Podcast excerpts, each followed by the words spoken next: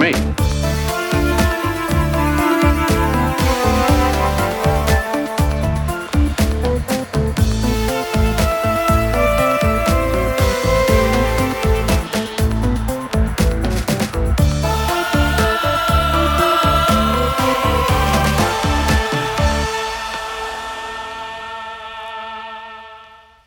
Välkommen till ett nytt avsnitt av skräckfilmspodcasten Vacancy med mig, Erik Nyström. Och med mig, Magnus Johansson. Till jul eh, i fjol pratade vi om Psycho och Psycho-remaken. Var det för att lite grann att det var avsnitt 300 vi valde att göra? Precis, ja. yes. Och i, i det avsnittet lovade vi att under 2023 även prata om Psycho-uppföljarna. Ja. Året håller på att ta slut, men nu är vi ändå där. Så, vilka filmer räknas dit? Ja, alltså de, de räddade oss lite grann, vad heter det, Arrow som släppte en 4K-utgåva av all, alla de här filmerna. Eh, en box som jag köpte så jag ville väl hugga in och titta på dem. Ja. Så eh, det, det, var ju bra. Tur. jag, hade dem, jag hade dem på någon eh, DVD. Just det. Med alla tre. Ja, så vi har sett Psycho 2 från 1982. Och eh, Psycho 3 från 86. Och eh, Psycho 4 The Beginning från 1990. Mm. Eh, har du någon speciell relation till någon av de här? Jo, men det har jag väl. Alltså jag gillar ju Psycho väldigt mycket så att eh, det blev ju att, att man såg de här också och att, vad heter det, det jag minns innan var väl så här. Det jag kom in i avsnittet med var väl att Psycho 2 är spännande och intressant. Eh, Psycho 3 är en riktig så här slasher konstig grej ja. som är lite, lite så här osmaklig på något sätt uh, i, i sammanhanget. Och att Psycho 4 var, var, var jag uh, nyfiken på att se om helt enkelt mest. Mm. Uh, i, faktiskt. Det var nog den, den jag har sett minst. men att jag ville se Olivia Hussey eller framförallt höra henne. Höra henne. ja. eh, jag minns att vi, Psycho 4 var en vi såg tillsammans. Alltså det kan ha varit den första av uppföljarna jag såg. Men mm. eh, jo, jag har sett allihop. Eh, i, olika många gånger. Men det var, det var ja. väldigt, väldigt länge sedan. Mm. Jag noterade här under hösten att Emil som jag ju då även poddar med på Titta de snackar, hade sett Psycho 2 för första gången på väldigt länge. Mm. Och eh, jag tror att han sa att den var skitdålig. Ja. ja. Så, så, jag, så jag hade då med mig ändå ganska goda minnen av den, av, av att ha sett den. Så jag skrev till Emil och bad han i tre koncisa punkter förklara vad som är så dåligt med Psycho 2. Ja. Och när jag läste de punkterna tänkte jag att det här går nog lika bra att tillämpa på alla tre filmerna. Ja. Så jag tänkte att vi tar med oss Emils tre anledningar till varför Psycho 2 är helt värdelös. Ja, det gör vi. 1. Första filmen behöver ingen uppföljare. 2. Ser inte vitsen att följa Norman Bates och hans liv. 3. Borde vara svartvit. ja, just det. Mm. Ja, de kan vi ta med oss. Men eh, vår vana trogen eh, så avhandlar vi dessa i kronologisk ordning. Även om du lekte med tanken att börja med Psycho 4. Just det, ja. jag var mest sugen på att se den, men jag såg dem faktiskt i, i eh, kronologisk ordning ändå. Psycho 2 är regisserad av Richard Franklin som fick gigget lite grann eftersom han hade gjort Road Games året innan. Just mm. Australiensisk regissör. Tydligen en stor Hitchcock-beundrare. Just det. Han har väl gjort eh, Patrick och eh, Link. Ja, också är väl, är väl sådana man har sett i videohyllan i alla fall. Mm. Jo, men han har en del halvkända alster på sitt samvete. Mm. Då dessutom skriven av Tom Holland. Mm. Som väl mest känd för, ska vi säga, Child's Play. Ja, eller Fright Night ja. kanske. Ja. Det är nog eh, hugget yes. som stucket där. Mm. Eh, det, det lilla jag vet om Psycho 2 och tillkomsten var att den ursprungligen eller delvis var planerad som en tv-film. Mm. Att Brian De Palma var tillfrågad att regissera men tackade nej. Och att Tony Perkins länge var helt ointresserad att eh, göra den. Vilket mm. inte hindrade vilka det nu då är som har producerat den och var i letade efter alternativ att ersätta honom med. Och ett mm. envist rykte som vägrar dö var ju att den tilltänkta ersättaren var Christopher Walken. Ja, okej, okay, just det. Ja, det är kanske inte helt, helt fel om man ska kasta om man. Nej, det är, det är åtminstone en väldigt intressant tanke. Ja, japp, japp. Eh, ja, vad handlar den här om? Eh, Norman Bates släpps efter 20 år på sluten psykiatrisk avdelning. Ska mm. få flytta tillbaka till sitt gamla hus eftersom han ju fortfarande äger det. Ska slussas in i samhället igen. Men mm. kan han verkligen ha skakat av sig mamma? Yeah. Typ så. Precis, exakt. Jo, han blir ju frisläppt här. Det, det, är, det, det är ju några år sedan, sedan förra filmen så att säga. Eh, och det är ju lite kul tycker jag att Norman Bates blir frisläppt. Eh, det är de här åren har gått liksom för vad heter det? Eh, vad heter hon? Eh, Laila? Laila Crane? Ja. Vera Miles. Ja, precis. Eller Precis, Laila Loomis numera är ju med och hon är inte glad att, att eh, Norma Bates ska släppas och eh, få göra sådana här witness eller liksom eh, vad heter det? Eh, eh offer eh, impact statements liksom. Ja. För hennes syster eh, Marion har ju dött. Hon har även farit runt och samlat namnunderskrifter för att den här dåren får ju inte släppas. Nej, exakt, exakt. Det är ju någonstans skönt att det ändå har gått rimligt antal år. Mm, ja, precis. Det har faktiskt jo. gått drygt 20 år, både alltså på riktigt. Ja, precis. Det är inte jättekonstigt om han börjar kunna bli frisläppt här. Särskilt med den mentala ohälsan liksom, som, ja. som rådde då under brotten. Men du, vad tycker du om att inleda filmen med duschscenen? Ja, just det, precis. För de startar med en, liksom en, en liten fredag den 13 recap. Ja. Eller vad man ska säga. Bara duschscenen, ja precis. Sen glider kameran ut som den gör och tittar på huset. Ja. Eh, och så blir den sakta i, i färg och så kommer förtexterna, tv-förtexter. Och yeah. sen eh, är det som att det går från, vad är det, kanske sen kväll till gryning. Så himlen skiftar i olika färger. Den hinner vara både röd och blå och allt möjligt. Mm. Ja, det... Eh, cinematiskt. ja, nej jag vet inte. Alltså det, det är väl klart kanske att man kanske behöver göra någonting, men det är lite konstigt. Ja. Alltså. att, och, och, det, det, det, det, gör ju att filmen inte bara är, är, en berättelse, utan att den är så medveten om den impact som duschscenen hade på filmmediet. Att man väljer att börja med det och låta det sammanfatta hela händelseförloppet. Ja, precis. Jo. Eh, det, det, det, det, någon halv meta nivå redan i inledningen. Ja, precis. Men det, det över, överlag så, eh, precis. Det, det, kan, just det kanske skvallrar lite grann om att det, det finns en hel del eh, respekt på något sätt av första filmen och uppgiften som, som finns här. Eh, jag tänker att kanske av någon anledning så, så ger jag den till eh, Tom Holland eh, som har skrivit manuset eh, eftersom att det är en film som inte inte gör det enkelt för sig att komma ut 82 och ha en knivmördare liksom som, som eh, subject på något sätt liksom. Och en titel som Psycho 2 liksom. Mm. Eh, det, det, det är ändå folk här som eh, vill respektera Hitchcock på något konstigt sätt här.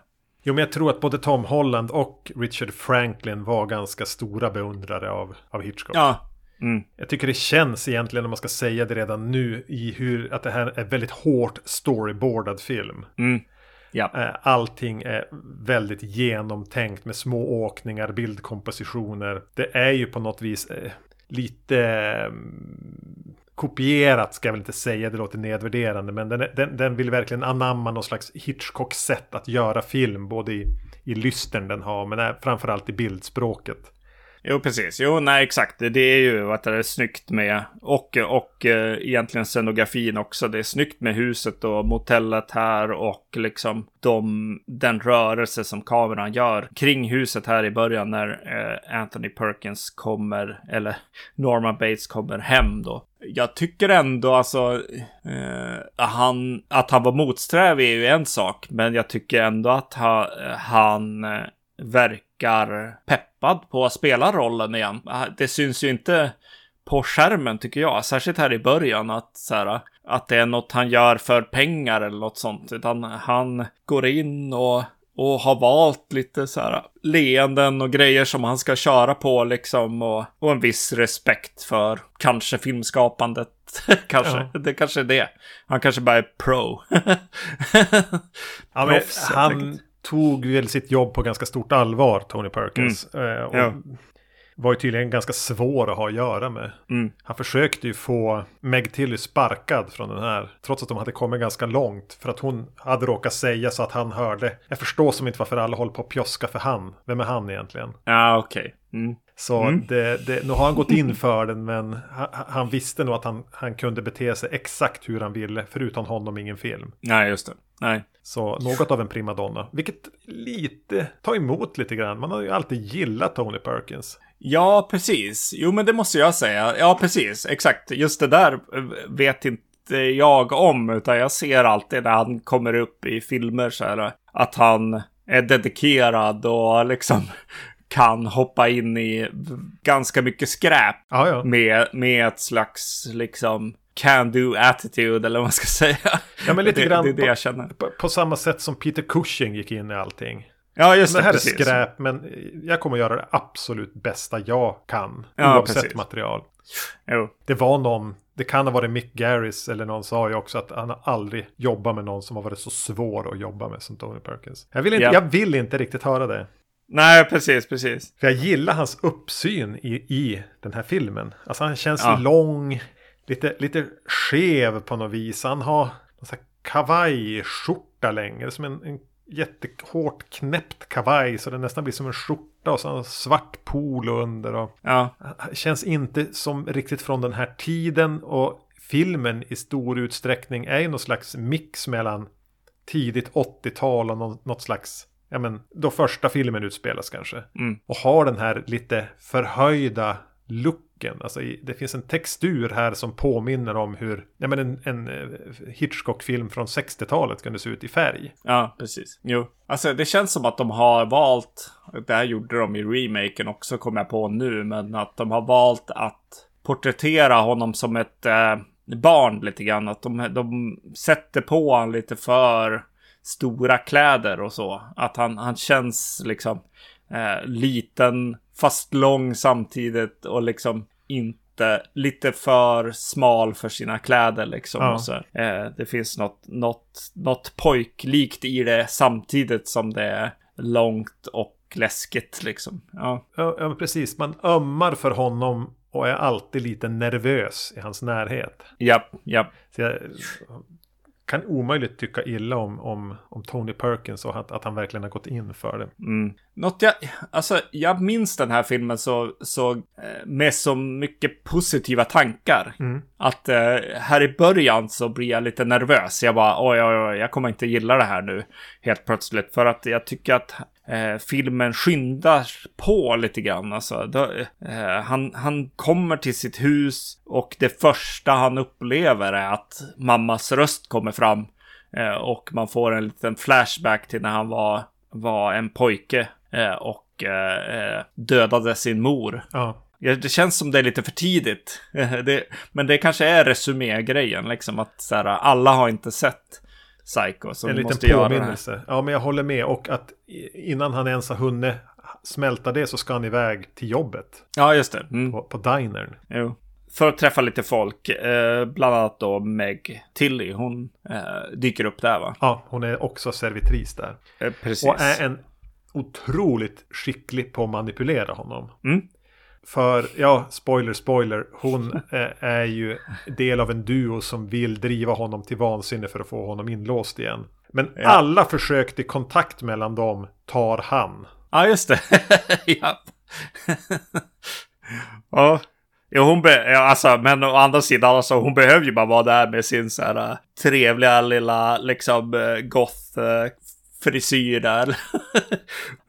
82. Eh, kan hon ha lyssnat på Sisters of Mercy kanske? det...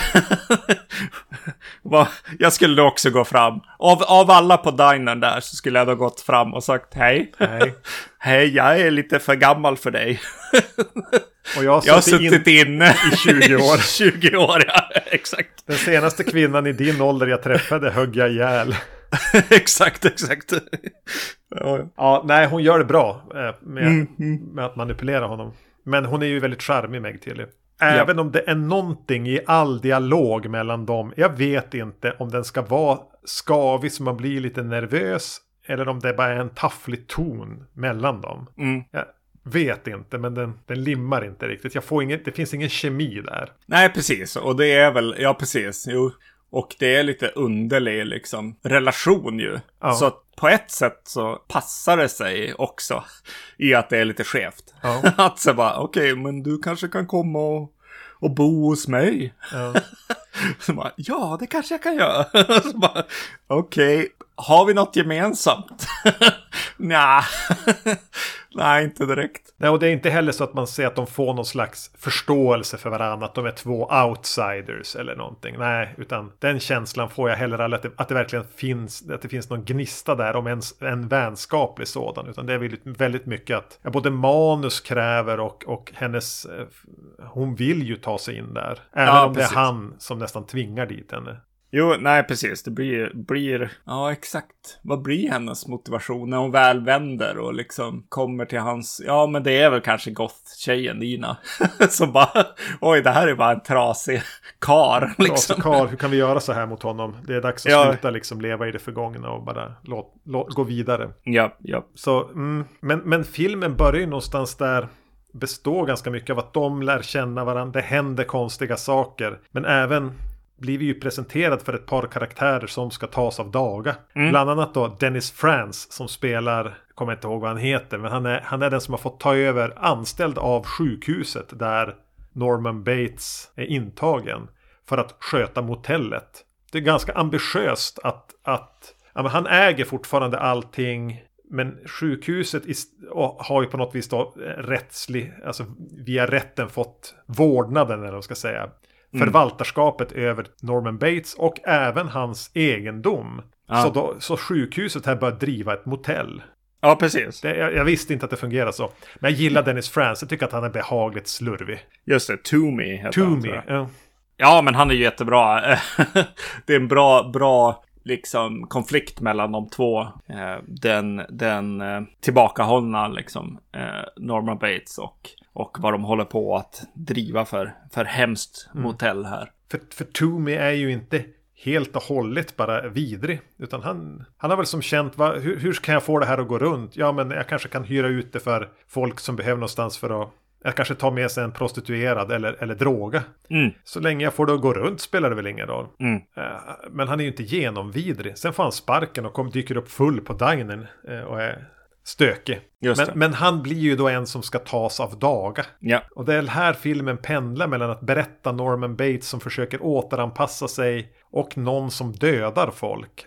Och, och, att man ska som fundera fram och tillbaka. Men kan det vara så att är det han som gör det? Ja. Och jag vet att mellan gångerna jag såg den här tidigare så glömde jag ofta bort hur det egentligen hängde ihop. Och tänkte ofta mot slutet att Ja men fan det var han ändå. Fan vad han kom undan. Ja precis. Det är det som är. Ja precis exakt. Och, och, och jag kan ju erkänna att jag var där nu också. Jag bara men vänta nu. De såg ju faktiskt någon till person. Ja. Eh, för de väntar ganska lång tid med att, med att köra uh, dubbel, trippel twistarna liksom. Mm. Det är en film som går först till den twisten som du just sa att så här, ah, det är det här teamet som försöker driva uh, Norma Bates till vansinne. Det är Norma Bates. Har han drivits till vansinne? Håller han på att luras tillbaka? Uh, lite så får man ju vibbar av i en del uh, ja. scener. Och så sen får vi lite så här slå i dörrar, springa mellan, mellan dörrar, se ögon i, i, i de här titthålen på ett sånt sätt att man blir lite förvirrad till slut i slutändan. Jo, alltså bara, vänta nu. Och den börjar, ta, den börjar ta avstickare i slutet där när det som Precis, det, det, är folk som tittar i titthål och sen är, de, är den som på väg någonstans och lösa upp. Men då dyker det upp poliser hela tiden. Och först, ja. Eller först dyker hans psykolog upp. Ja. Och bara, du, du jag, jag har förstått att du börjar tvivla på om din mamma är död eller inte. Kom, vi far och gräver upp hennes grav så du får se att hon är död. Mm. Ja, okej, okay, så de och gör det. Och så som tillbaka för att fortsätta där de var. Och då typ dyker polisen upp och bankar på dörren. Bara, hej, vi måste ut i träsket, det är en bil här. Mm. Så då ska de ut i träsket och sen tillbaks och fortsätta där de var. Att yeah. den, den, ja, jag vet inte om den försöker kavla ut någonting eh, för att bli en längre film eller om den vill försöka blanda bort eh, korten för en. Jo, precis. Och så tror jag att eh, alltså, det finns en, en lite så här tonskifte här ju eh, från originalet såklart. Eh, vilket han ju ska ha, känner jag. 80, 82 liksom. Det ska ju vara, vara lite mer gritty liksom i tonen. Men det är verkligen den här, den håller kvar classinessen samtidigt som den är mer gritty i tonen. Eh, och det, det är lite intressant. Okej, okay, nu åker vi till träsket och så känner vi av lite så här thriller, eh, Hitchcock liksom. En spänning på något sätt och bara okej. Okay. Ja. Och så sen bara tillbaks till eh, hugga ihjäl folk med specialeffekter och liksom och sånt och lite så här affischer med nakna kvinnor på och grittet liksom. från, som är kvar lite grann från 70-talet här. Den, den, är lite spännande på det sättet. Någonstans för mig är ju hela konceptet att det faktiskt finns ja, men Norman Bates i sitt hus. Eh, en duo som är där och springer. En, en får ju flytta in men då är hennes sidekick som också är där och smyger runt i huset. Eh, och ytterligare en person som är där och smyger runt i huset. Ja. Jag blir så förvirrad när, när Meg Till duschar och ja. får för sig att någon kikar på henne och upptäcker ett hål. Och så går hon runt och ska kika på vem, vem är det som spejar på henne egentligen? Just det. Är det hennes egen mamma som står och kollar på henne i duschen? För vi får se att Norman Bates är ju inte där. Nej. Men, och, och, nej, men är det då en annan bara kvinna som står... Varför skulle hon göra det? Mm. Så det blir ju lite de här Eh, skrämselscen för skrämselscenens skull kanske. Ja, ja. Eh, och att, att det håller ju inte ihop. Att så många kan smyga runt i det här huset. Så stort är det inte.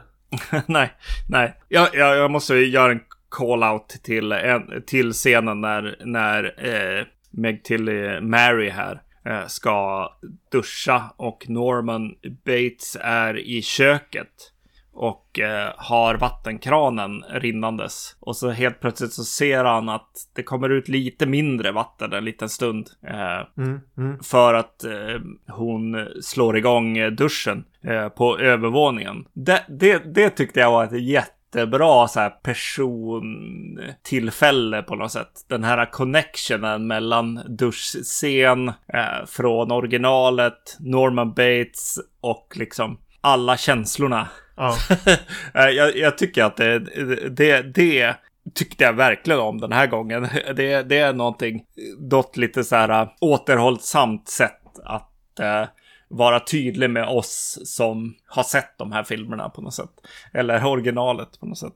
Att vi vet vad han tänker där. Ja. Att oj, nu kanske jag kommer att vilja gå upp och döda henne. Mm. Uh, men jag har ju redan nämnt att texturen i den är ganska fin. Ja. Och att den har ett, den är väldigt storyboardad. Den ska väl se ut lite grann som en Hitchcock-film. Men, men det väl någon åkning från när han är inlåst uppe på, på vinden. Ja. Ut genom ett fönster och åka längs taket och så ner där några ungdomar ska smyga sig in i källaren för att röka på och ha sex. Ja. Och jag skrev först att det var en Argento-åkning. Ja. Men sen tänkte jag, eller är det här kanske en callback till, till åkningen i Psycho som är i trapp huset är att ja, men det kanske är lika mycket en Hitchcock-åkning. Just det, precis. Just det. Jag hade svårt att bestämma mig. The Italian Hitchcock på något sätt. Ja, ja. ja precis. Här är kopplingen. det, är, det är den här åkningen som kopplar ihop eh, Hitchcock och Dario Argento. Nej. För den, den scenen, också väldigt bara en, en 80-tals slasher-scen. Ja. Men den är ju ganska väl iscensatt ner i källaren där och de hör ett ljud och tittar ut och så får man bara se en kvinna stå en bit bort och, och reagera på ett ljud. Ja, precis. Bara, Vem fan var det där? Eh, och sen ett, en bit in, för hon, tjejen lyckas klättra ut. Han ska som, eh, de bara, åh nej vi måste sticka ifrån, vi måste sticka ifrån. Hon står där ute och försöker hjälpa honom upp och han ska som klättra på några vedklabbar som bara rasar. Så kommer mm. det ett klipp så här, snett bakifrån när Mrs Bates, som vi får kalla mördaren för det, liksom mm. kommer mot honom som hukande, nästan glidande med en kniv i ena handen. Yeah. Ashäftig bild. Jo, ja, ja precis. Det blir väldigt fredag 13 där, eh, tidigt eh, där också liksom. Det här, eh, ja men när, eh, i tvåan när eh, Jason springer över vägen Eh, lite den, den typen av klipp där man bara, vad, vad såg jag just? Det Ja. var ju en kvinna där. Jag gillar verkligen deras kläder också. Den här gränsen mellan 70 och 80-talet liksom. Eh, eh, det, är en, det är en verkligen en bra, bra scen och att den får gå åt fredagen den 13 hållet också rent effektmässigt tycker jag är bra. För att göra en ny Psycho-film på något sätt. Sen så springer en av dem därifrån. Och då har de gjort en overhead-vy som är lite rolig. För då, då helt plötsligt går vi tillbaks ganska många år i tiden och har, en, har någon slags matte painting av huset från ovan liksom som hon springer ifrån. Ja, just det. Eh, Mm. Väldigt, väldigt märklig liksom kombo av, av fredagen 13 och någonting som eh, Mario Bava hade gjort på 60-talet. Mm. Lite märkligt. Men lite halvcharmigt. Eh, eller nej, kanske inte. jag, jag, jag tycker den, den skulle jag nog ha klippt bort. den overhead-vyn. Alltså jag hamnar någonstans ändå att jag tycker att Tom Holland har gjort, har haft bra idéer i slutändan ändå. Jag, ty- jag tycker att den här uh, terroriserade Norma Bates är ett bra knep. Kanske mot för vad, vad em, Emil säger här. Eh, så kan jag tycka att, att göra honom till protagonisten eh, är lik någon slags Frankensteins monster. Det, det är det är både, både ja det, det är rätt bra. Jag, jag, jag tycker nog om att det, det blir lite twister och sånt. Att den, att den är en film som skulle kunna vara en helt vanlig slasher-rulle. Men istället så är den eh, något slags eh, Hitchcock eh, eh, slasher-monster till film. Jag, ja, jag har haft det här som en favorit vet jag. Jag har gett den Ja. höga betyg på IMDB och jag måste nog skruva ner dem lite grann. Alltså jag tycker om mycket mer den. Eh, Jag gillar Tony Perkins ändå. Jag gillar alltså hur den ser ut och känns lite grann. Mm. Sen kan jag nog tycka att den, den tvistar sig själv för mycket för att det, det håller inte ihop. Och det blir lite fånigt med My Real Mother helt plötsligt. Ja, exakt. Nej, ja, ja precis. Jo, eh, det, det kan jag ju erkänna. Ja, minnet av den här var, var högre. Och eh, den här eh, omgången så eh, får den helt klart lägre betyg av mig också. Mm. Det kanske leder oss in på, på nästa film för mig i alla fall. Ja men vi, Eh. vi, låt oss. Ja, eh, som är ju Psycho 3 från 86. Eh, där jag kan säga att eh, eh, minnet från den här är så här, åh varför, varför gör de en bara helt vanlig jävla slasherfilm av, av Norman Bates och jag, jag fanboyade sönder den här filmen tidigare. Har i alla fall gjort. Jag, jag tyckte att det här inte var värdigt, kan jag erkänna, tidigare tidigare. Eh, här kommer jag kanske få en liten annan känsla än Psycho 2. Spoiler alert. Spoiler alert. Eh, Mm. Nej men den är ju regisserad av Tony Perkins. Precis, precis. Eh, från Edge of Sanity. ja. Ja, ja. Ja, Det jag ska säga att det jag mindes från den var att det var någon som, som var jävligt sleazy i den. ja, och jag mindes att någon är och plockar, att det är varmt och någon plockar isbitar eh, ur en isbox. Och att det ligger någon död i den och att det blod där. ja, ja. Mm. Det var ungefär det jag minns också. Eh, Yes. Och att, att, ja, men att det var en sleazy slasher mer bara eh, mitt i alltihop. Jag mindes väldigt, väldigt lite. Ja. Men jag mindes direkt när den börjar och en, en kvinna skriker There is no God. Eh, Sympatisk tjej, yes. Ja. Och att, att den börjar med någon sån här vertigo-nunnor. Det är nästan som, som eh, i, i, upp i ett klocktorn och någon faller ner. Det var svårt att inte, inte fortsätta tänka på Hitchcock och vertigo där. Nej. När vi får liksom en fallen, fallen nunnekvinna som eh, lämnar klostret orsakar ett dödsfall och bara ska vandra genom öknen. Mm. Och, och hamnar eh, hos eh, Norman Bates Ja, slutändan. ja. Eh, det är lite, alltså den är ju så övertydlig på något sätt när hon väl dyker upp. Men kanske innan det så börjar hon ju eh, ta sig genom öknen här och eh, hamnar i en bil eh, tillsammans med, eh, vad, Men kan... Jeff Fay, Fahey, Fahey. Skulle jag nog säga. Ja, precis. Från Eh, Gräsklipparmannen. Eh, exakt, exakt. Som ju spelar den här eh, dirtbagen, dirtbag-rockern Dwayne Duke. Ja. Eh, som, som ju är eh, den här eh, sleazy karn som vi minns Mm. från, från förra gången vi såg den här. Och eh, åker, åker bil, eh, det regnar på natten, det är lite Hitchcock, eh, liksom, eller eh, psycho-flörtningar eh, som de åker där genom, genom landskapet. Han eh, försöker ju liksom, eh, ja, våldta henne är väl det Mm. Mm. han försöker göra och hon tar sig ut ur bilen och börjar liksom gå genom öknen här. Ja. Och eh, går med en klänning. Alltså hon, hon har, hon har hela eh, Marion Crane utstyrseln eh, på sig. Hon, hon är klippt som henne och eh, eh, har eh, samma klänning och Samma resväska. initialer. Ja, exakt, exakt. Eh, Mor eh, Maureen heter hon va? Ja. Någonting. Ja, vä väldigt mycket. Min första känsla eh, var så här, oj vilken low grade Janet Lee och eh, Anne Heche för den delen också. Ja. Som vi får följa här. Diana Scarwid. Eh, jag tycker att hon är blek i, i, i rollen. Ja, ja, ja, precis. Eh, det och visar sig ju vara där för att påminna Norma Bates om Marion Crane. Mm. När han ser henne för första gången här. Eh, det är kul att se den här, de här filmerna efter, rakt efter varandra. Mm. De, Eh, för- Den tar vid ganska mycket va? Ja, exakt. Ja. Eh, det, det är rätt kul för att vad det, Marys, eh, Mary i eh, andra filmen sitter och läser en bok på sitt rum när hon har liksom stängt eh, dörren med en, med en stol. Så här Mm, eh, klassiskt. Eh, så att han inte ska kunna komma in. Och så läser hon sin bok In the belly of the beast. Subtilt. Ja, ja, exakt. Litet skämt på något sätt. Och eh, eh, när de presenterar Normans värld eh, här så ligger den här boken på gräsmattan och man eh, får direkt en liksom, koppling mellan de två filmerna. Mm. Ja, det dyker även upp några karaktärer som är med i den tidigare filmen. Ja, precis. Just det. Eh, polisen bland annat. Eh, för mig att Mm. det är mer också. Ja, Myrna från Dinern Just det, just det. kvar också. Ja, ja.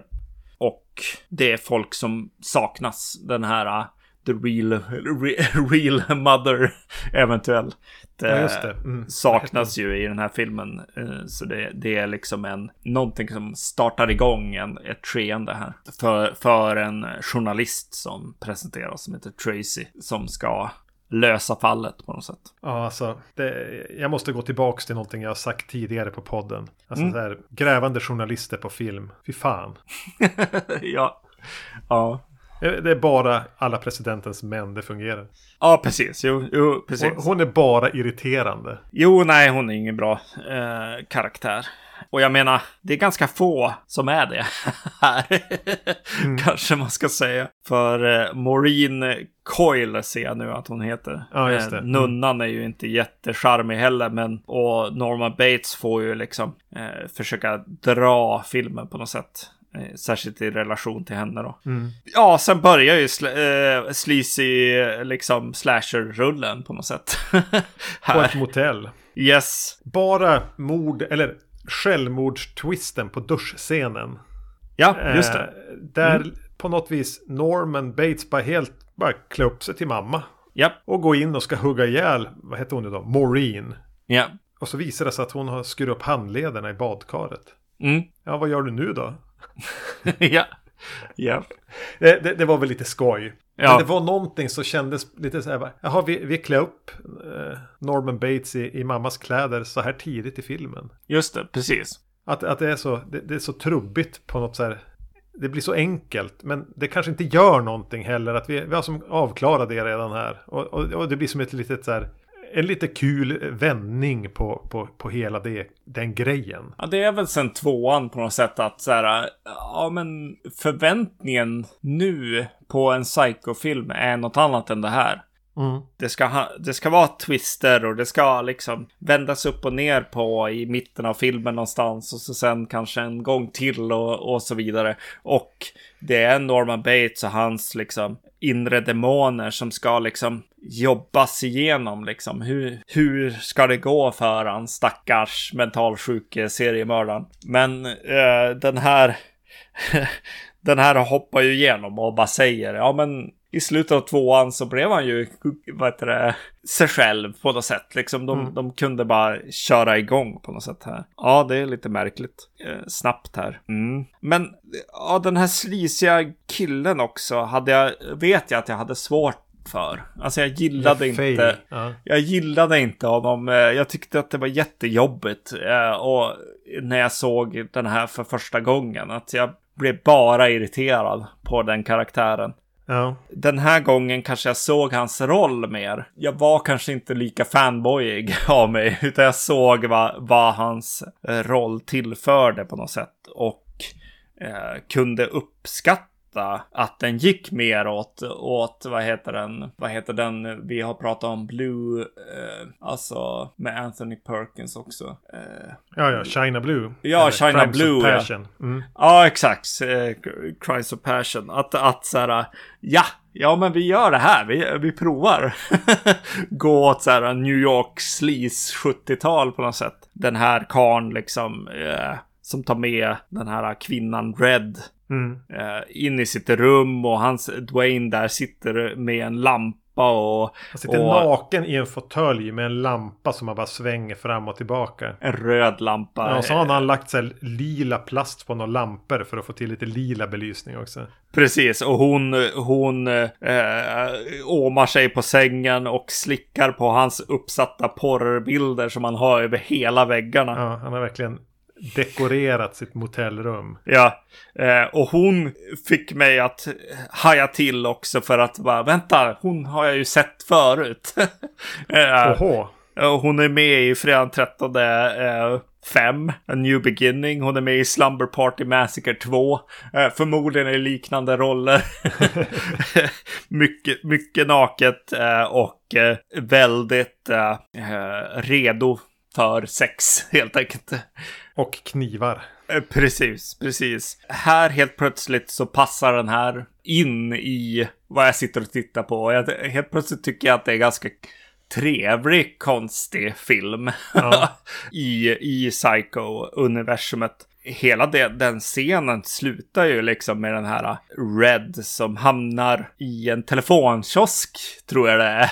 Jo, hon ska gå ut och ringa. Hon råkar ju bråk med Jeff Fay där för att han är kanske för sleazy. Jag vet inte. Ja, precis. Och så blir hon eh, Nej, överfallen. Hon, tar, hon står och tar på sig en tröja. För hon springer ut typ barbröstad. Ja, precis. Hon klär på sig i telefonhytten. Jo, precis. Och mitt i det så blir hon liksom överfallen av, av eh, Mrs eh, Bates här då. Mm. Eh, det är väldigt obehagligt över... Alltså jag, jag, tyckte att den var en ganska obehaglig scen. Ja. Alltså det är nog för den att den är... Dum. Den är liksom lite sleazy, den är lite Tom Savini-doftande, liksom specialeffekter. Kombon av att, att gå lite för, lite 70-tals sleaze för långt i fredag den 13 på något sätt. Ja, det, det, det, det, var något eh, obehagligt i den scenen. Och mm. på, och då tänker jag så här, då tänker jag kanske tillbaks till så här 86 här då. Och så tänker jag att, ja men är inte det här en duschscenen? Är inte det här vad Hitchcock faktiskt gjorde i första filmen? Eh, att det är lika obehagligt här som mm. då. Mm, eh, jag förstår vad du menar. Ja. Men den här kom ju som samtidigt efter hela, hela slashervågen. hela 70-talet och hela slasherfilmen var ju ganska död här. Utom, ja, utom, utom uh, Psycho då som skulle kämpa vidare. Just det. Mm. Jo, och det är ju de här små sleaze-glimtarna när den får vara bara en trashy skräckfilm med mm. knivmord. Som är, där den har liksom små det blir nästan så lite impressionistisk i de eh, så färgkluttarna av mord och smuts och grit. Som den är riktigt bra. Mm. Men sen hela den här otroligt ointressanta inre konflikten för, för Norman Bates och relationen till den här fallna nunnan som man väl typ blir förälskad i. Och man förstår ju ungefär hur det ska sluta. Det, det är bara tråkigt och forcerat. Och det är ju som en parallell film som pågår samtidigt som en annan film. Mm. Och den är väldigt trist, just den lilla filmen. Ja, verkligen. Eh, precis. Och eh, att hon går och pratar med sin präst och sådär också. Det, det, det är märklig. märkliga scener där. När man kanske kunde ha tagit det här festande gänget liksom och bara Nej, vi bara kör nu. Ja. Men han, de gör inte riktigt det, utan det är någon av besökarna som åker dit liksom. Men, men det är hela tiden ett, ett 80-tals liksom slashergäng som är i bakgrunden, som är där borta någonstans, som aldrig riktigt får vara med. Man längtar lite grann till det gänget. Jo. Något som jag, som jag minns starkt från den här filmen är ju när han slår in eh, kniven i fingrarna och eh, håller sig från att eh, eh, dödar den här nunnan vid något tillfälle. Eh, han håller i kniven med handen liksom och så vad det slår han in den i sina egna fingrar.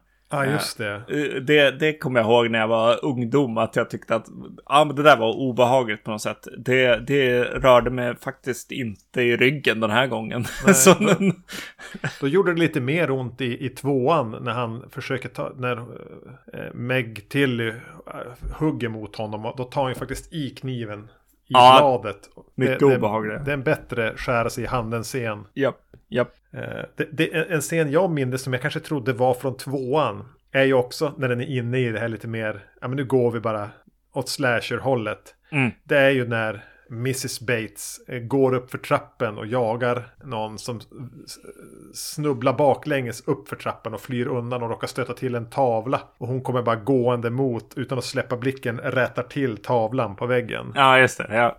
Den är lite kul. Jo, det, det är bra, bra fotat uh, Mrs Bates, ja. Precis. Ja. Jo, jo uh, bra, bra uh, slasher-skurk här på något sätt. Kysste Norman Bates ett lik i den här filmen? Ja, det tyckte jag också var väldigt gritty och, och kanske, kanske efter sin tid på något sätt eller vad man ska säga. det är sånt där som David Hess håller på med, inte Tony Perkins. Exakt, li lite åt, åt uh, det e europeiska doftande eh, delar det här. Men å andra sidan så, så har eh, eh, regissören här, Tony, Tony Perkins, eh, eh, redan varit med i lite mer slisiga, eh, svettiga porträtt redan. Så att ja, jag, jag, tror att han är bara, bara inne i hur, hur jävla over the top han blev där ett tag. Jo, det, det är mörkt på något sätt. Och det är lite, lite alltså den går ju och tänker på, på Ed Gein lite grann där. Mm. Eh, och, och går tillbaks till eh, boken kanske och, och inspirationen till boken på något sätt. Att, att det här är ju vrickat liksom. Ja, alltså jag har för mig att jag någonstans har läst att Tony Perkins sa att fan jag skulle aldrig ha regisserat. Det var alldeles för svårt. ja. Eh, ja. Och, och någonstans är det väl det man säger med, med jag tror det är typ bröderna Coen som har sagt det, jag har säkert eh, refererat till det flera gånger här i podden också, men att, att vara, stå för regi, det är att vara, stå för tone management. Ja. Och eh, den här är ju överallt. Ja, ja, absolut. vissa delar är forcerade, onödiga, vissa delar är så smutsigt förföriska eh, du kan plocka ihop lite det du vill från den här filmen och göra det till en jättedålig film eller en riktig så här guilty pleasure film. Mm. Men som helhet har, eh, hackar den ju ganska betänkligt. Ja, ja, definitivt. Ja, precis. Jo, jo jag bara, vad va gör de nu när de gör en eh, remake på det här fallet nerför trappen? Ja. Till exempel, om man bara, oj vad onödigt i den här filmen på något sätt. att, att gå tillbaks till gammal, inte lika gritty utan mer polerad liksom eh, stil. Ja. Ja, jo, jo, den har verkligen eh, problem med tonen och, och hela den här isbits-scenen, eh, den är ju liksom i en annan eh, värld också. Ja. En rätt trevlig en på något sätt, men... men den hör inte hemma i de, någon av de andra filmerna vi har sett i den här filmen. Nej, exakt, exakt. Ja. Japp. Och, och hur jävla nöjd och liksom gleeful han är där. Eh, Norman Bates också. Ja. Eh, väldigt märkligt. Ja, nej, nej, nej, absolut. Den här har konstig ton och den är inte bra, men den var faktiskt bättre nu än sist jag såg den. Den är skoj på, ja. på många sätt. Alltså det, det, här är nog en film att se lite halvfull eller jättetrött eller någonting. Se att bara slå igång och sitta och halvslumra. Alltså du kommer hem och är lite onykter. Ja, Slå igång Psycho 3 då. precis. Yes. Ja, Ursäkta. Ska vi gå till nästa eh, projekt? som är Psycho 4 The Beginning. Som är en tv-film från 1990.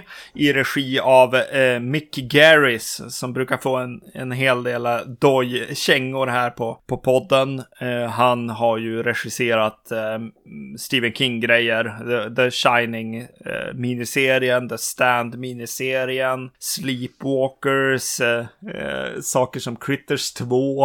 Eh, han är ju ett eh, skräckfilmsfan eh, som eh, har gjort mycket behind the scenes material, mycket intervjuer, men som också har hamnat i registolen Ja. en hel del och faktiskt skrivit mycket. Jag, jag, tror att om vi väl börjar försöka hitta eh, styrkorna hos han istället för att se svagheterna så är det väl att han ändå verkar vara en, eh, en manusförfattare som, som folk eh, anlitar. Jag tänkte någonstans eh, två saker när jag blev varse att det var Mick Garris som hade gjort den. Först tänkte jag, är han så här the original pappas pengar-regissören? Ja, precis. Jo, man kan ju tänka så också. Ja, precis. Vem vet? Ja, jo, Eh, sen tänkte jag också att i mitt helvete så är alla filmer regisserade av antingen Mick Garris eller Umberto Lenzi. ja, ja. Eh, den här är skriven av Joseph Stefano. Och han Mm. skrev första Psycho. Han skrev originalet. jag, jag, jag, jag får en känsla av att det här är ett pet project. Eh, jag har tänkt en massa kring Psycho när jag gjorde den. Jag hade en massa bakgrundshistoria. eh, för han står ju som producent här på, nå eh, på något eh, hörn också. Så det känns som att det är någonting som han har velat få ut. Någonting som han kanske borde bara ha skrivit och lagt i en, i en låda, men där han har kanske ett större namn än, än så och kan få saker gjorda Ja. och greenlightade. Den här handlar alltså om en R- Norman Bates som verkar lite snabbare ha eh, blivit släppt igen här. Mm. Efter att ha suttit i den där polisbilen och smekt sin mammas avhuggna arm. Just det. Hand. Det är ett bra slut på Psycho 3. Ja, ja, ja. Eh, men han är ute igen. Han ringer in till en radiotalkshow som har en temakväll när de pratar med och om män som har mördat sina mammor. Mm. Han berättar att han har gjort detsamma. Börjar, kallar sig för Ed och berättar om sitt liv där vi får följa eh, Norman Bates som ung och eh, var sina, de första kvinnorna han mördade, relationen till sin mamma eh, och, och vad det är som leder upp till att han mördar henne. Mm. Tony Perkins är tillbaka som Norman Bates i en av sina allra sista roller innan han dog. ja. Eh, nu tappade jag namnet. Jag måste Henry Thomas. Ja, Ja. tack. Eh, spelar den unge Norman Bates. Eh, vi pratar alltså då antingen Mike Flanagans favoritskådis med alla projekt han gör nu. Ja, men visst är, visst är det en grej med Mick Garris och eh, Henry Thomas och eh, Stephen King. Det är något konstigt här som händer. de, de, de eh, beblandar sig på något sätt. Vad har Henry Thomas gjort några King-grejer? Ja, men han är ju med i de här eh, King-saker, är han inte? Ja, ja, ja. Jag tänker bara att han är med i Mike Flanagans alla projekt nu på Netflix. Ja, precis. Och att Jo. han är pojken i E.T. Men här Ja. var han väl typ 17-18. Och då det vi alla har väntat på. Eller framförallt du. Ja. Olivia Hussey som Mrs Bates. Precis. Och jag vill bara ändå någonstans nämna det, det lite komiska med att du prat, har alltid pratat om Olivia Husseys röst framförallt. Ja, precis. Och jag Ja. satt och fnissade mig igenom de två tidigare. När alla gånger man hör ekot av Mrs Bates röst så är det en riktigt jävla knarrig tantröst. ja. Det var tydligen samma skådis som gjorde rösten som Mrs Bates i både Psycho, Psycho 2 och Psycho 3. Hon hade dött innan Psycho 4. Ah, okej. Men, men att det skulle vara samma röst som var eh, Olivia Husseys lite märkliga accent. Ja. Som är den där eh, parodiskt knarriga tantrösten. det är väldigt märkligt. Ja. Norman! Norman! Ja, det... Ja, okej, okay, så det är samma kvinna. För jag tänkte på det också, att så bara, oj, här har de ju lyckats ganska bra med, mm. med castingen av, av mamman genom tvåan och trean. Ja, okej. Okay. Ja, nej, nej, precis. Jo, det, det är lite konstigt. och, och att den kvinnan, eh, Mrs Bates, var ju ungefär 40 när hon dog. Ja, okej. Okay. Oj, ja, just det. Jo, men det är väl kanske därför hon har just den här lite överdrivna, liksom, tantrösten på något sätt. Ja. att hon kanske var yngre än, än hon lät, ja. Ja, just det. Vi är, om du, ja, men jag tror att du sa det, vi är i tv-land här. Den här är väl gjord, kanske inte för prime time tv, för det är ju lite bröst och så, så men det är ju definitivt en tv-film. Mm, precis. Eh, de hoppar in i filmen med det, det de gör istället för att visa eh, duschscenerna är att spela originalmusiken eh, i förtexterna här. Att sätta upp en, en slags välkommen tillbaka med, med, ja. med det istället. Eh, och den kommer, eh, mycket av originalmusiken kommer tillbaks i, i olika scener här. Om jag ska vara ärlig så minns jag inte i, i tvåan och trean. Det bara, det bara slog mig nu när jag såg fyran att så här, oj, ja, här, här är det här tillbaks. Ja, nej, det, det är annan musik. Ja, ja. Tvåan tror jag det var eh, någon vi pratade om i förra avsnittet, Jerry Goldsmith. Just det, just det. Mm. Eh, så det, det, är inte eh, Bernard Hermans stråkar. Alltså på radiostationen här så får man ju direkt eh, Mick Garris eh, vibbar. Mick Garris, eh, han är en person som gärna drar ihop hela, hela skräckfilmsregissörsgänget. Han var ju producenten bakom, vad heter Masters of Horror mm. eh, grejen och han har gjort andra, andra grejer. Han har hållit i skräckfilmsregissörers eh, middagar och sånt där. Sådana grejer. Han har försökt liksom samla de här Hollywood han skulle eh. aldrig bli bjuden själv. Nej, nej, precis. Eh, så det är väl bäst att han bjuder hem de här Tobe Hooper och... ja, exakt. Säkert Tom Holland också. Ja, eh, det märks ju av direkt för att vad heter, det, vad heter han? John Landis jobbar ju på radiostationen här. Ja. Som, som någon slags chef där. Det tar mig ur filmen, det gör det ju. jo, man, jag såg det direkt också.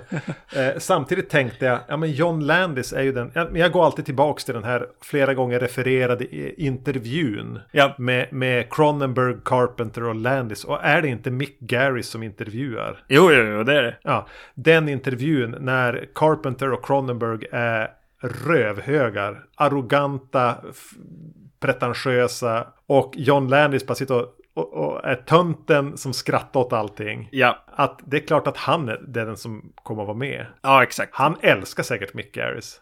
Jo, de John har... Landis är alldeles för snäll. Nej, om man, alltså jag har ju följt liksom eh, Mick Garris, mycket av de här poddarna och grejer som man håller på med nu. Och John Landis och han, om de hamnar i samma rum, ja, de är väldigt bra vänner.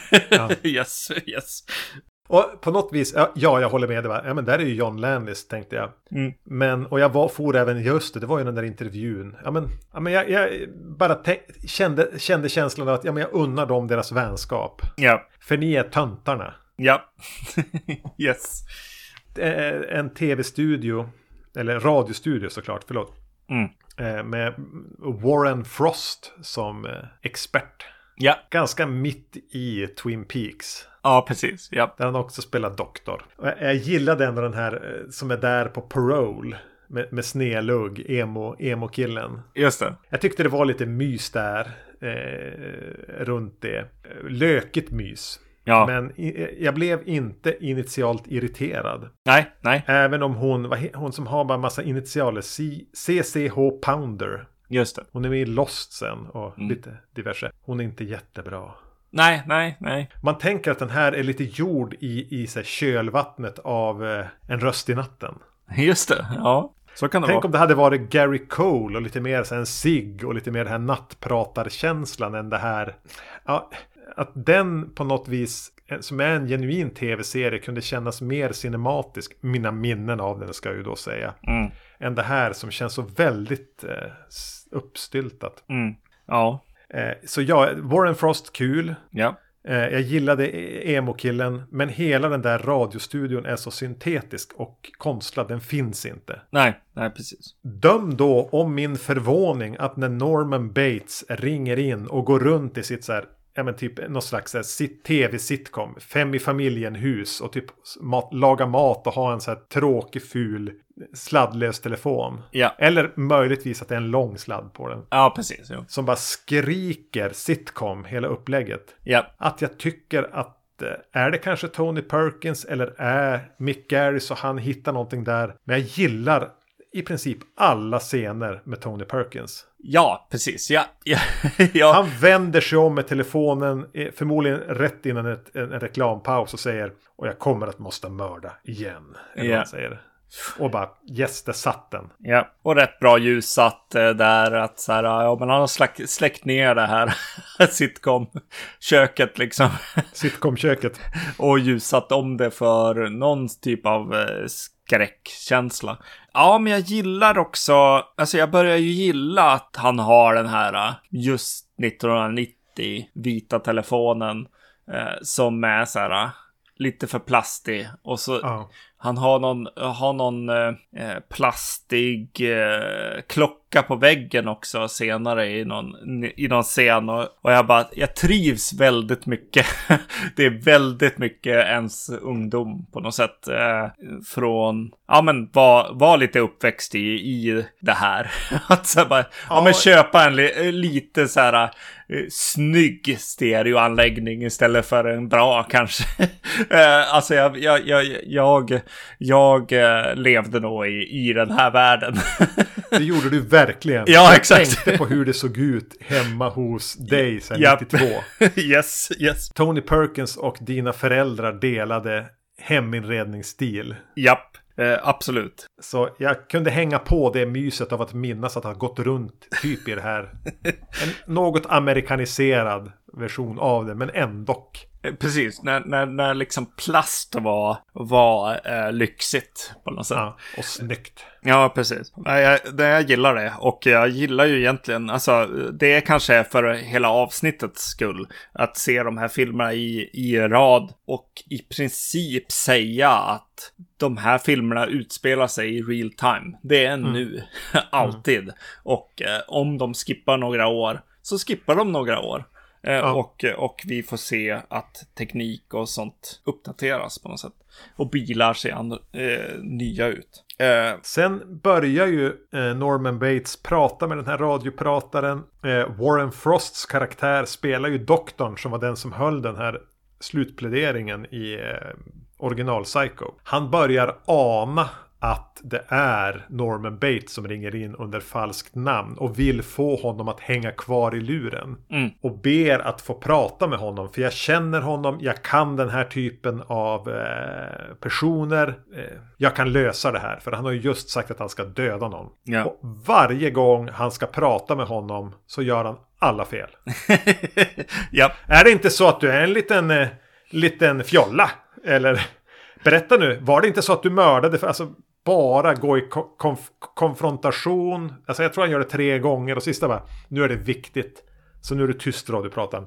Jag är läkare, I got this. Och bara direkt säger fel sak. Det, det är så, han är verkligen usel på att prata. jag undrar om det är. Ja, precis. Exakt. Ja. är det något så här förakt mot, eh, mot läkare och psykologer som den här filmen bär på? Ja, nej. ja, ja. Det känns ju så. Är det Jos- Josef Stefano som har någon slags, eh, jag vet inte vart han kommer ifrån. Mick Garris är väldigt mycket mer åt eh, hipster, eh, inte hipster utan eh, en hippie. Eh, en röka på eh, rock'n'roll snubbe liksom. Ja, just det. Mm. Och, och, och eh, ja, nej jag vet inte riktigt. Vilken av de här som eh, talar nu, men absolut att det finns ett, ett eh, förakt på något sätt. Att, att kanske en kvinnlig radiopratare kommer kunna eh, lösa det här bättre. yes. Och filmen som rullas upp där är ju hur Norman Bates berättar om sin uppväxt med sin knepiga, kan vi väl säga, mamma. Ja. Eh, Och även i lite spridda tillbakablickar. Det första gången han mördade och andra gången han mördade och mordet på sin mamma. Det känns som att jag har sagt det här redan. Men det här varvas då med, med att Tony Perkins står med telefonen och berättar. Vi får se flashbacks som Tony Perkins vandrar in i med jämna mellanrum. Mm. Så där som man gör när man berättar filmiskt. Ja. Och jag bara, det var inte dumt. Nej. Nej. Fan Mick Garris. Där fick du till det. Ja, alltså precis. Jag tycker, att, jag tycker att, att Tony Perkins kliver in i de här tillbakablickarna vid precis rätt tillfällen tillräckligt många gånger. Det blir aldrig jättelöjligt när han gör det. Nej. Det blir inte som man tänker, åh hej Tony, är du här? Utan att jag köper det faktiskt som att han minns tillbaka på det här och ser det i sitt inre. Ja. Kanske och, mycket tack vare Tony Perkins eller för att jag nu är helt inne i den här psycho-världen. Mm. Men även är jag väl ändå faktiskt beredd att ge Mick Garris lite cred. För att han, han har någon slags känsla för hur han ska få ihop det. Ja, precis. Jo, jo precis. Som, som den här original fanboy uh, uh, regissören så vet han ju saker. han, vet, han vet ju hur det här ska, ska göras på något sätt. Och eh, kanske till och med att han har tagit det här ansvaret på ett riktigt Ja, seriöst. Mm. Helt enkelt att säga bara, okej, nu ska jag göra en jävla psycho-film. Eh, hur fan ska det här gå? Det kan vara hans bästa film. Ja, ja precis. Jo. Eh, absolut. Även om det kommer några väldigt forcerade Dutch angles ibland. Ja, precis. Jo. Nu ska jag leka regissör. Ja, precis. Men det händer i trean också. Ja, ja precis. Jo, jo, jo, nej, det är klart. Alltså, vi måste prata om, om de här andra skådespelarna. Eh, Precis. Henry Thomas. Hur känns han? Eh, han känns ju inte som den Norman Bates jag tänker eh, mig som Norman Bates. Ja, Men jag kan acceptera någon som bara går in och är en parallelluniversum Mm. Norman Bates. Han försöker. Han är inte, jag tycker inte han är dålig. Nej, alltså nej.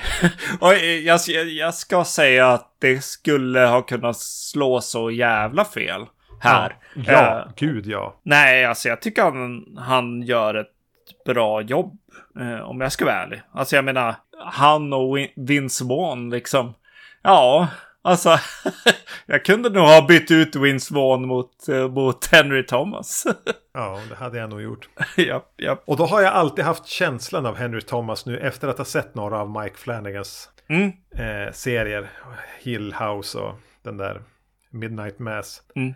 Att jag fick känslan av att han var Flanagans här pet project. ja okej. Jag ska ta någon sån där barnskådis som har harvat på.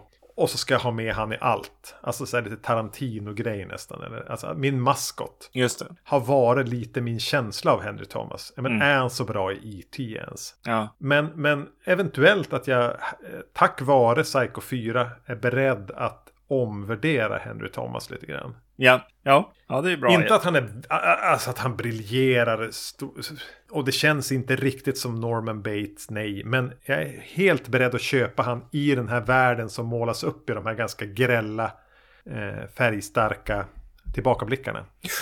Ja, jag, jag har ju inte sett han i Mike Flanagan-grejerna. Eh, jag vet bara att vad heter det, han har fått någon slags skräckfilms eh. Det, det är nog kanske för Mike Flanagan, alltså att jag börjar tänka på, på Stephen King av någon anledning. Eh, att, eller Mick Garris, att, att de liksom har bytts ut. Mick Garris har blivit Mike Flanagan på något sätt. Eh, att, att Ja. de bara har, har eh, bytt eh, kontrakt och sen skådespelare på något sätt. Att säga bara, ja, här, här, ska Ma- eh, här ska liksom Henry Thomas med på något sätt. Och då, det de två har gemensamt, Flanagan och Gary, är att de har läst fler King-böcker än vad jag har gjort. Eh, ja, ja, men i, precis. Men du har så- inte sett någonting där alltså? Nej, nej, nej. Den är ju rätt bra, Midnight Mass eller vad den heter. Väldigt kingig, men den tar sin tid. Och nu är den ju, eh, om vi då ska prata om Flanagan, det ska vi väl inte, men Nej. den finns ju nu eh, The House of Usher. Den är jag mest sugen på faktiskt. Ja. Om jag ska vara ärlig. Ja. Nu har vi pratat klart om Mike Flanagan. ja, exakt. Hej då. nu ska vi prata om Olivia Hussey. Det ska vi göra. Och... Eh... Åh nej. Hon funkar ju inte lika bra. som som, eh, som eh, Mrs Bates här. Jag vet inte, det, det är lite Joseph Stefano känner jag att så här bara, ja men eh, hon är ju mycket bättre i i boken Psycho än i, äh, än i den här filmen. Alltså porträtteringen mm. och varför och, och känslan man får att så här, ja, det är inte konstigt att han har blivit så här. Hon har lite för, eh, jag vet inte, det kanske är tv-filmen. Att så här, oj, vi kunde ja, men... inte gå för hela vägen vart vi skulle liksom. Eller är det kanske så att Olivia Hussey är en ganska bekväm skådis som gillar att hämta checkar? Just det, ja, jo, jo så kan det vara. Här, ge mig nu topp tre Olivia Hussey performances. Uh, Black Christmas, Black Christmas och Black Christmas. ja. ja. ja. Oh, nej. men, nej, men nej, hon är väl en tv-skådis helt enkelt. Och ja. hon är väl ett svagt kort här tyvärr. Mm. Även om jag man ibland kunde höra den där klangen i, i rösten. Ja, det är väl någonting med att hon inte riktigt är, är, är där heller. Nej, precis. Så, så man kan inte ens bara sitta ner och njuta av hennes röst. Utan hon, hon har börjat, eh, börjat lära sig hur man pratar Hollywood eh, eh, amerikanska. Liksom. Hon är väl från typ Argentina. Eller något sånt Just det. Mm. Eh, sen stör det mig, det är ju inte Olivia Husseys fel. Men jag kan tycka att det här lite halvkinky grejerna när hon vill ha honom nära som någon slags tröst. Mm. Eh, och han är ändå typ 17. Ja. Eh, och kan inte låta bli att få stånd av att vara nära någon. Ja. Att, eh, de, den grejen och skammen och de busar och rullar runt och han blir liggande på henne och hon. De säger det aldrig rakt ut men man förstår ju vad som har hänt. Jag tycker Henry Thomas levererade bra. Och jag kan gilla liksom hur hon kan växla mellan att nästan vilja ha sin son utifrån hans ålder för nära. Mm. Och sen så fort det uppstår något obekvämt sexuellt så ska hon hämnas. Alltså slå, slå hon, sparka hon hårt. Ja. Men scenen att, att alltså när hon klär upp honom i en klänning och kallar honom för flicka och Norma och grejer. Ja. Att man ska, ska presentera att hon klädde upp honom i sina klänningar när man vet att det var det han gjorde sen. Jag gillade inte den förklaringen. Nej, det känns som att Josef Stefano är lite, lite gammal här. Eller eh, har liksom lite konstiga tankar. Eh, ja. ja, nej, nej, precis, precis. Uh, nu när du, när du står, när vi pratar om Olivia Hussey och det här eh, liksom sexuella och det blir liksom lite, lite jobbigt mellan son och mor och sen att det kommer in en till kar och eh, att det nästan blir ett triangeldrama på något sätt. Då, då dyker Frances McDormands namn upp i mitt huvud. Att säga bara, åh gud, tänk om det var hon. Ja. som som eh, spelade eh, eh Mrs Bates här. Det, det, det är, nej, Olivia Hussey blir inte riktigt den det skulle kunna vara. Alltså hon är ju så här, hon är ju lite milfig. det är jo. hon ju. Och hon var ju vid inspelningen av den här avgjort yngre än vad vi är nu. ja, ja. yes. Men man skulle kunna... Ja, precis. Jag tror att jag är ute efter att kunna dra det eh, lite äldre här, ja. Ja, precis. Jo, ja, precis. Att det är mer, mer den sexuella tensionen än att Olivia Hussey faktiskt är snygg. det är någonting där som skulle kunna bli lite mer intressant kanske. Men det är nog lite hopplöst att försöka vara den som på duken, eller tvn i det här fallet, ska vara Mrs Bates. För hon ska ju inte finnas. Hon ska ju vara ett minne. Det enda vi ska, och det minnet ska vi aldrig få se. Hon ska vara ett, eh, ett, ett eh, hyfsat konserverat lik. Det roliga nu när du säger det är att som jag minns den här filmen ja. så trodde jag att det skulle vara mer prata med dörren. Eh, att så här, hon är bakom en dörr och att vi, vi, Olivia Hussey skulle vara mer av en röst bara. Ja. Uh, den här, en av de första scenerna hon dyker upp i uh, Mrs. Bates så är hon faktiskt redan död. Uh, mm. Och vi får se ett jävligt snyggt creepy lik för övrigt. ja, just det. Mm.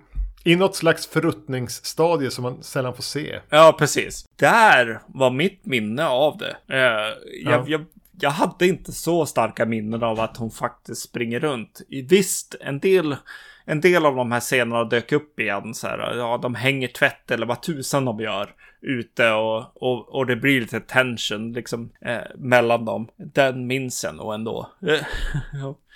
ja. Jag hade faktiskt ett minne av att ha tänkt när det nu var jag såg den här förra gången. Det är väldigt länge sedan. Mm. Det kanske var 93. Ja. Men att jag tänkte nej, så där, det där är inte min Mrs. Bates. Nej, nej, precis. En liten detalj bara. Och jag tänker att jag kan fråga dig då som såg den här i 4K. Ja. Jag såg den ju på DVD. Men redan på DVD, när hon kommer in. Han ligger i sin säng och hon går som att prata med honom ganska och bläddrar lite förstrött i hans tidningar och upptäcker där en porrtidning och tar upp den. Mm. Då är fokusen helt fel. Okej. Okay. Fokus är, hon står typ och är på tidningen och eh, Olivia Hussey är suddig i min, på min DVD. Att här har så här focus puller hamnat fel. Och de har inte märkt det eller haft tid att göra en reshoot. Nej, precis. Som jag upplevde det så bläddrar hon väldigt tydligt framför kameran eh, och visar att det är en liksom lingerie-katalog eh, i princip som man har. Ja. Eh, som man har i sitt, sitt rum jag får en känsla av att det är det de vill faktiskt visa. Eh, Men bilden är samtidigt för, för, för vid för att man ska egentligen uppfatta vad som är. Och egentligen ser man bara en suddig kvinna som bläddrar i en tidning där du ändå inte ser vad det är. Ja, okej. Okay. Ja, ja, ja, jag såg helt vad som hände. Eh, för Men mig... är, det inte, är det inte inserts på, på, bild, på tidningen sen? Uh, ja, jag vet faktiskt inte. Jag kommer Över inte krav att du ska minnas Ja, det, jag men... minns faktiskt inte. Jag, jag tyckte det var väldigt tydligt att så här, oj, vi ska se att han har tagit ett under, undersklädeskatalog liksom. Ja, jag säger att det är dålig focus pulling. Ja, okej, okay, japp, japp, japp. Precis, det är som den här eh, där de, när de kör bil i, i uh, Halloween. Det är nog den sämsta focuspullingen någonsin. Men dashboarden är väldigt bra. fokus. Ja, just det, när de hade bara tryckt ner Deborah Hill i baksätet. ja, exakt. yep. Uh, nej, jag tänkte faktiskt inte på det. Ja, just det, men precis, men det är nog den scenen som, som står ut, som jag nämnde just att, vad heter det, när de, sit, när de är utanför, nedanför huset, Olivia Hussey och, och uh, uh, Henry Thomas här. och de pratar om att motorvägen ska byggas. det är nog en den konstigt nog den mest minnesvärda eh, scenen i filmen. Och det som jag känner är så här, ja det här är ju en ganska svag eh, film att komma på att man vill faktiskt få upp i, ens på tv-duken, eh, tv-skärmen. Att Josef Stefano, han, han, han bygger en historia kring det som han redan har, alltså han har byggt en historia för att kunna berätta Psycho. Ja. Och nu vill han berätta karaktärernas bakgrundshistorier som, han som egentligen är ganska, ganska o, ogenomtänkta men eh, där för skådespelarna att kunna göra Psycho. Ja, eh, ja. Inte för att kunna, kunna faktiskt göra en, en film om det.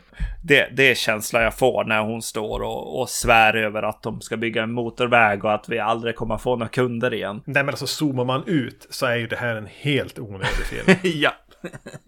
Det finns ju ingenting som berättas här eh, som vi inte redan visste eller som vi ville veta. Ja. Men därmed inte sagt att den är utan ett underhållningsvärde. Nej, precis. Nej. Men eh, om vi nu ska stanna kvar två sekunder till, fast naturligtvis mer än så, i, i de här tillbakablickarna. Ett, jag tycker det här mordet på fjärde juli med den här unga tjejen som verkligen vill ligga med Norman Bates. Ja, ja. Med fyrverkerierna och någon... Eh, att, det måste utspelas på 50-talet någon gång.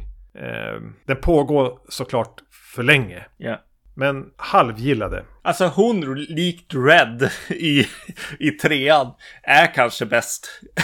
i filmen på något sätt. Kan vara, kan vara. ja, ja. Och eh, man måste ändå säga någonting om den här långsamma, plågsamma förgiftningsscenen när han häller, är det stryknin? Ja, precis. Ja. I, i, i, i isteet. Och de vägrar fan dö. Ja.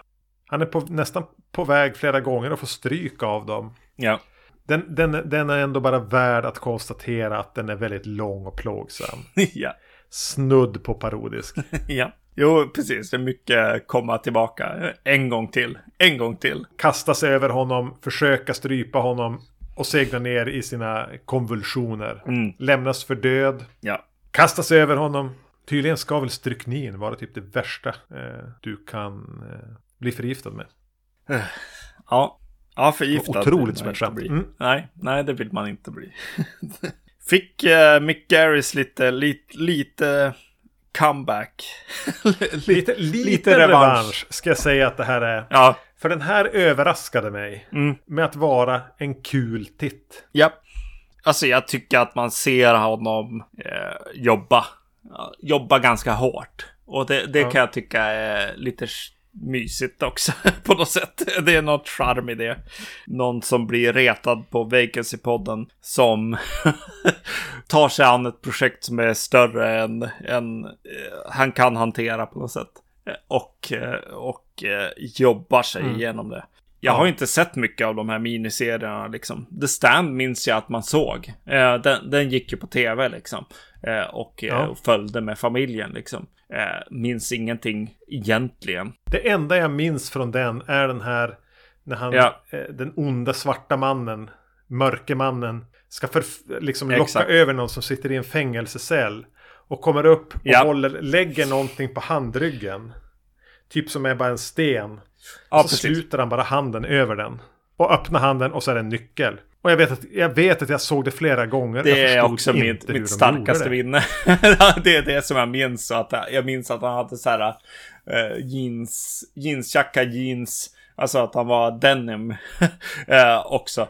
Uh, och att han gjorde det där med handen. Ja. Men ja, The Shining har jag aldrig sett faktiskt, miniserien. Men men. Det har jag gjort. Det är, Emil hävdar väl att den är bättre än Shining eller någonting. Att, att den är kraftigt underskattad. Så jag, jag har försökt locka honom några gånger att att vi ska prata om, han ska komma hit och, och försvara det. Just det.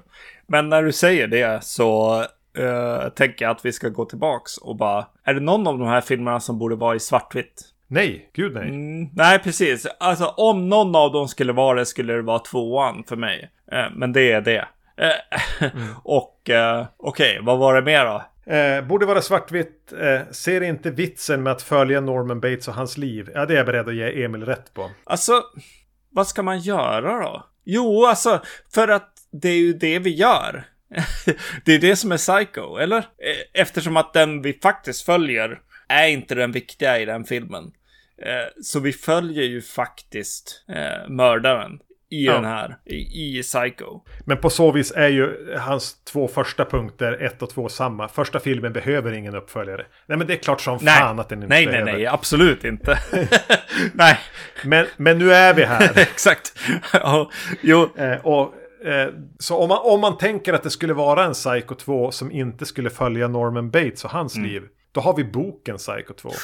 Har du lyckats hitta den på ljudbok? Nej, på ljudbok är omöjligt. Uh, jag är skitsugen dock. den är så svår att hitta att jag har köpt den på en begagnad pocket men kan inte hitta igen den. Ah, okay. ja. Men, men den, den väljer ju en helt annan väg. Den skrevs före Psycho 2. Ah, okay. Alltså filmen. Yeah. Filmbolaget läste den, eller någon, och sa det här kan, nej, nej gud nej. Det här gör vi inte finns inga likheter. Jag är otroligt sugen på att veta. Jag vill veta. Men yes, jag får, jag får försöka hitta den också då. Eller bara låna den i jul. ja, den borde vara i något av mina vinstförråd. Ah, jag ska okay. leta. Jag har borta andra böcker också. Så nå någonstans har jag en påse eller kartong där den, där den ligger. Ja. En jättefin pocket. Det känns som att det skulle kunna vara så här andra pocketutgåvan så här, som kommer 89 eller någonting. Det, det, den är jättefin. Mm. Jag, jag, jag, måste eh, redovisa liksom den här, eh, det här avsnittet på något sätt. Eh, Psycho 2 var mycket starkt going in. Blev lite mm. svagare faktiskt den här gången. Mm. Medan jag tycker om jobbet som de har gjort. Eh, ja. eh, Psycho 3, när jag kom in, ville jag bara inte se. Som sagt, jag skrev regi. Tony Perkins, eh, han som är med i Edge of Sanity. Alltså jag var ganska sur på den här filmen. Helt enkelt. uh, när, jag, när jag gick in i den. Uh, och den, den Psycho 2 lyft, nej, uh, 3 uh, lyftes faktiskt. Att, att den har det här uh, skevheten på något sätt. Ja. som gör att det blir lite, lite kul på något sätt. och eh, Psycho 4 eh, hade jag mer förhoppningar än vad den faktiskt kunde leverera. Även om jag tyckte att Henry Thomas levererade mycket mer än vad jag minns. Eh, mm. Och Olivia Hussey mindre än vad jag... Eller jag minns inte, tror jag. Så att eh, eh, jag var lite besviken på henne. Eh, men eh, Anthony Perkins del av det är, är bra också. Han är bra på att lägga den här eh, hur ska det gå i slutet? Mm. Känslan genom hela filmen egentligen. Vilket, vilket vad heter hon, radioprataren inte gör. Men Anthony Perkins är där för att säga det här kan gå åt helvete. Jag hade eh, satt eh, 8 av 10 på Psycho 2 på IMDB. Mm. Jag kommer nog att dra ner det till kanske 6 av 10. Mm. Eh, jag tycker man kan, eller egentligen jag tycker man kan se alla de här tre. Det var väl det som var överraskningen för mig. Ja. Jag minns väldigt lite av Psycho 3. Mindes att någonting var sleazy. Ja. Och nu när det har gått ett par dagar sedan jag såg den. Så är det typ där jag är igen. Det var något med en nunna som var störigt och tråkigt. Och så var det något som var sleazy och rörigt som jag gillade. Mm. Och med gilla vet jag inte om jag menar att jag gillar det eller bara tycker om att det finns. Yeah. Psycho 4 trodde jag skulle vara, framförallt när jag insåg att det var Mick Garris, en eh, jävla tågurspårning. Mm. Så där blev jag nog mest överraskad över hur road jag var av, och då förvånande nog, kanske mest hantverket. Mm. För den berättar någonting jag inte vill veta. Jag kan köpa en, en kortfilm där to, eh, Norman Bates ringer in. Och de måste lösa det här. Ja. Det här var en jättedålig kortfilm. Men ändå. Men alla återblickar är ju ingenting jag vill veta. Men du säger Henry Thomas, jag tycker han, han fungerar. Mm. Och genom alla de här tre så är ju Tony Perkins ändå där. I, ja, precis. Ja. Och han vet vad han ska göra. Och han, mm. han gör det och han levererar. Med både den här... Ja men hela den här... Och det är bara en sjuk, svag stackare. Men han njuter ju av det här också. Ja. Han kysser ju faktiskt dit. Han, ja precis. Alltså han är bilden av Ed Gein. Alltså han, mm. han levererar. Det, ja. Japp. Ja, eh, jag tror att det var andra saker vi hade utlovat att vi skulle prata om under 2023. Men där sviker vi. Men det, det är ni vana vid, kära lyssnare. Ja. Vi har hållit oss från Italien. Det har vi lovat. Av någon konstig anledning. Och det har vi lyckats ja. med. ja, det har vi hållit, ja. Eh, nästa avsnitt börjar det dra mot jul, men inte så nära jul att vi ska byta julklappar med varandra. Mm. Utan snarare filmer som har någon slags liten jultouch. Mm. Ja, vad fan vi håller på Ja, okej. Okay. Ja. Vi avslöjar inte Nej. det. Men jag kan säga att det är jag som har valt filmen. Just det. Mm. Podcast at vacancy.se för er som fortfarande sitter vid jobbdatorn och använder e-post. Annars kan man söka upp oss på Facebook för er som fortfarande använder Facebook. Ja, precis. Leta efter vacancy. Ja, precis. Vacancy.se tror jag vi heter där till och med. Så att ibland kan det vara svårt att hitta oss där till och med. Men eh, det är ju roligt att få kommentarer på avsnitt där. Verkligen. Mm. Eh, annars kan man söka upp mig på Instagram. Eh, jag heter Erknym. Och jag heter Zombie Magnus. Finns det någon annanstans där man kan komma i kontakt med oss? Jag tror inte det. Nej. Inte, inte utan att ni blir obehagliga. Nej, precis. Nu när vi ändå drar igenom allting. Ge oss eh, fem stjärnor och eh, bra reviews på eh, där du lyssnar på en podcast. Det vore väl det vore väl snällt. Det är grymt. Mm. yes. Ja, vi hörs. Tack så mycket. Tack, hej.